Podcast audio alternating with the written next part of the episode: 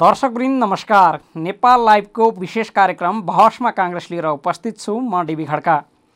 देशको पुरानो तथा प्रमुख दलमध्ये एक नेपाली काङ्ग्रेस चौधौँ महाधिवेशन केन्द्रित छ। भदौभित्र महाधिवेशन गर्नै पर्ने संवैधानिक बाध्यतामा परेको काङ्ग्रेसले भदौ सोह्रदेखि उन्नाइस गतेसम्म केन्द्रको महाधिवेशन तय गरेको छ। नेपाल लाइभको विशेष कार्यक्रम बहसमा काङ्ग्रेसमा हामी चौधौँ महाधिवेशनलाई केन्द्रमा राखेर विभिन्न सामग्री प्रस्तुत गर्दै आएका छौँ। काङ्ग्रेसको नीति र नेतृत्वका विषयमा हुने बहस महाधिवेशन केन्द्रित गतिविधि र यससँग जोडिएका विश्लेषण यो कार्यक्रमको प्राथमिकतामा पर्नेछन्।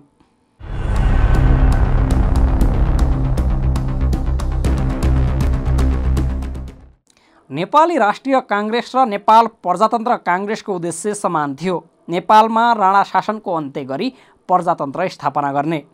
एउटै उद्देश्यका लागि दुईटा पार्टी रहनु खासै औचित्यपूर्ण थिएन। त्यसैले यी दुवै पार्टी एकता प्रक्रियाका लागि अघि बढे। दुवै पक्षले आफ्ना वक्तव्य मार्फत दुवै पार्टीबीच एकता आवश्यक रहेकोमा जोड दिए। सन् उन्नाइस सय पचास मार्च नौका दिन दुवै पार्टीका सभापतिहरू मातृका प्रसाद कोइराला र महेन्द्र विक्रम शाहले संयुक्त प्रेस वक्तव्य सार्वजनिक गर्दै आफूहरू एकताका लागि सहमतिमा पुग्नै लागेको बताए। आजको बहसमा काङ्ग्रेसको श्रृङ्खलामा राष्ट्रिय काङ्ग्रेस र प्रजातान्त्रिक काङ्ग्रेस कसरी एक भए भन्ने विषयमा किशोर दहालले तयार पारेको सामग्री प्रस्तुत गर्दैछौँ। नेपालमा प्रजातन्त्रको स्थापना गर्ने एक महान र कठिन कार्य सम्पन्न गर्न प्रजातन्त्रको पक्षमा लडिरहेका शक्तिहरूका बीचमा एकता कायम गर्नु अपरिहार्य भएको छ। वर्तमान नेपालको एकतन्त्रीय शासनलाई समाप्त पारेर प्रजातान्त्रिक पद्धति कायम गर्न राष्ट्रले निकै ठूलो प्रयत्न गर्नुपर्दछ। त्यसका निमित्त आम तवरले आन्दोलन गर्न सबै प्रगतिशील पक्षको एक राष्ट्रिय संगठन बन्न आवश्यक छ।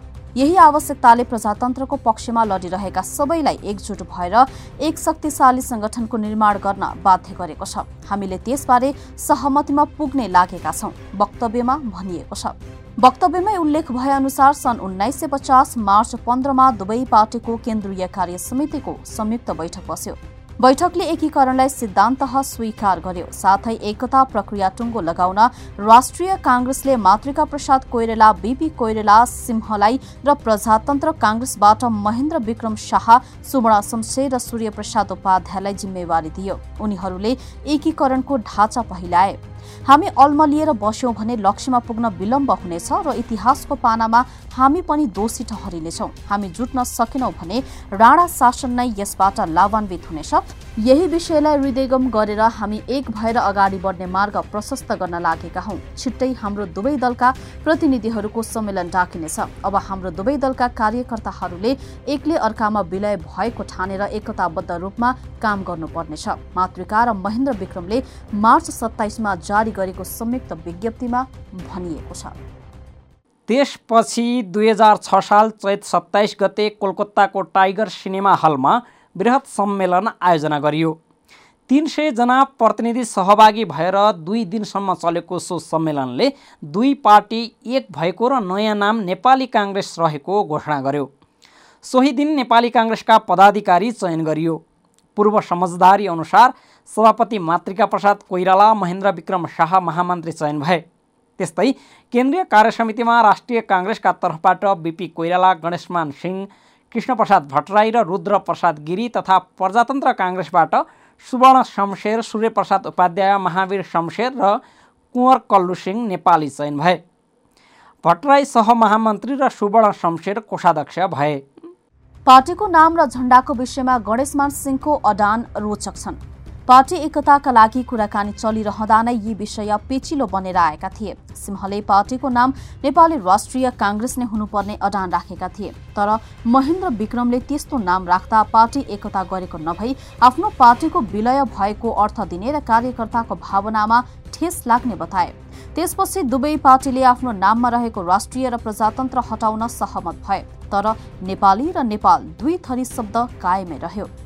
सिंहको भनाइ छ प्रजातन्त्र र राष्ट्रिय शब्द हटाउन सहमति भएपछि नेपाल काङ्ग्रेस र नेपाली काङ्ग्रेस मध्ये कुन नाम राख्ने भन्ने सवाल उठ्ने नै भयो। सबैजना नेपाल काङ्ग्रेस राख्न राजी भएको देखेर मैले भने नेपाली काङ्ग्रेस राख्नु पर्दछ। भाषाको दृष्टिले पनि नेपाल काङ्ग्रेस हुँदैन। नेपाली काङ्ग्रेस शुद्ध हो। त्यसैले हाम्रो पार्टीको नाउँ नेपाली काङ्ग्रेस राखौं। उनको आग्रह अन्तिममा सबैले स्वीकार गरे त्यसपछि पार्टीको नाम त्यही कायम रह्यो। अर्को विषय हो झण्डा नेपाली राष्ट्रिय काङ्ग्रेसको झण्डा माथि सेतो धर्को त्यसपछि हरियो र त्यसको तल पहेँलो नै नेपाली काङ्ग्रेसको झण्डा हुने तय भएको थियो। तर सम्मेलनमा झण्डाको प्रस्ताव राख्दा नेपाल प्रजातन्त्र काङ्ग्रेसको झण्डा दुईतिर रातो बीचमा सेतो र त्यसमा चार तारा नै कायम हुने भयो।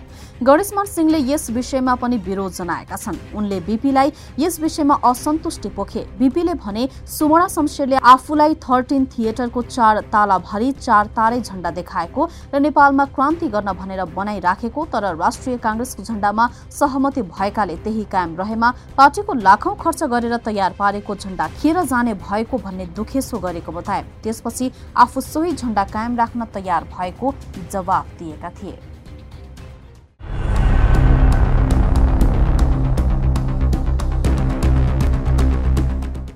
बहसमा काङ्ग्रेसमा अब अर्को प्रसङ्ग। नेपाली काङ्ग्रेसका वरिष्ठ नेता रामचन्द्र पौडेल पक्षका जिल्ला सभापतिहरूले केन्द्रीय नेतृत्वबाट यतिसम्म असंवेदनशीलता रूपी मौनता किन भन्दै प्रश्न गरेका छन्। उनीहरूले काङ्ग्रेसको पचहत्तर वर्षे जीवनकालमा पार्टी महाधिवेशनको विषयलाई लिएर अहिले जति हीनताबोध कहिल्यै नभएको पनि सार्वजनिक गरेको विज्ञप्ति मार्फत बताएका छन्। आफैले घोषणा गरेको महाधिवेशनको कार्यतालिका स्थगित गरेको पाँचौँ पटक भएको बताउँदै ध्यान आकर्षण गराएका हुन्। उनीहरूले महाधिवेशनको मूल आधारको रूपमा रहेको क्रियाशील सदस्यता सूची निर्धारणको क्रममा देखिएका गम्भीर अनियमितता मापदण्ड विपरीतका चलखेल र अपारदर्शी गतिविधिले सङ्गठनको जगमा क्रियाशील साथीहरूको मन कुर्णिएको बताएका छन्। महाधिवेशनको निष्पक्षतामाथि नै संशय पैदा गरेको यो नेतृत्व तहले बेलैमा बुझ्न जरुरी रहेको उल्लेख गरेका छन्।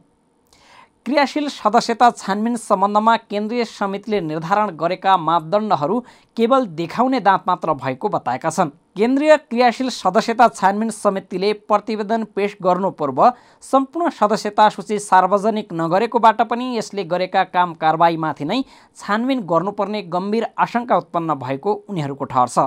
पार्टीभित्रका सबै सदस्यहरूलाई महाधिवेशनबारे आश्वस्त पार्ने न्याय दिने सबैभन्दा ठुलो जिम्मेवारी पार्टीका शीर्ष नेतृत्वको हिसाबले पार्टी सभापतिको भएको उनीहरूले बताएका छन्।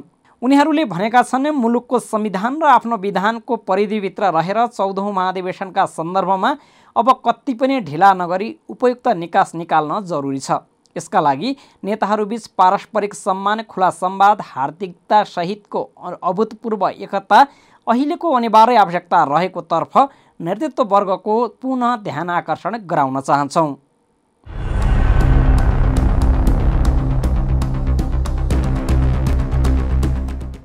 नेपाल लाइभको बहसमा काङ्ग्रेसको आजको श्रृङ्खला यति नै।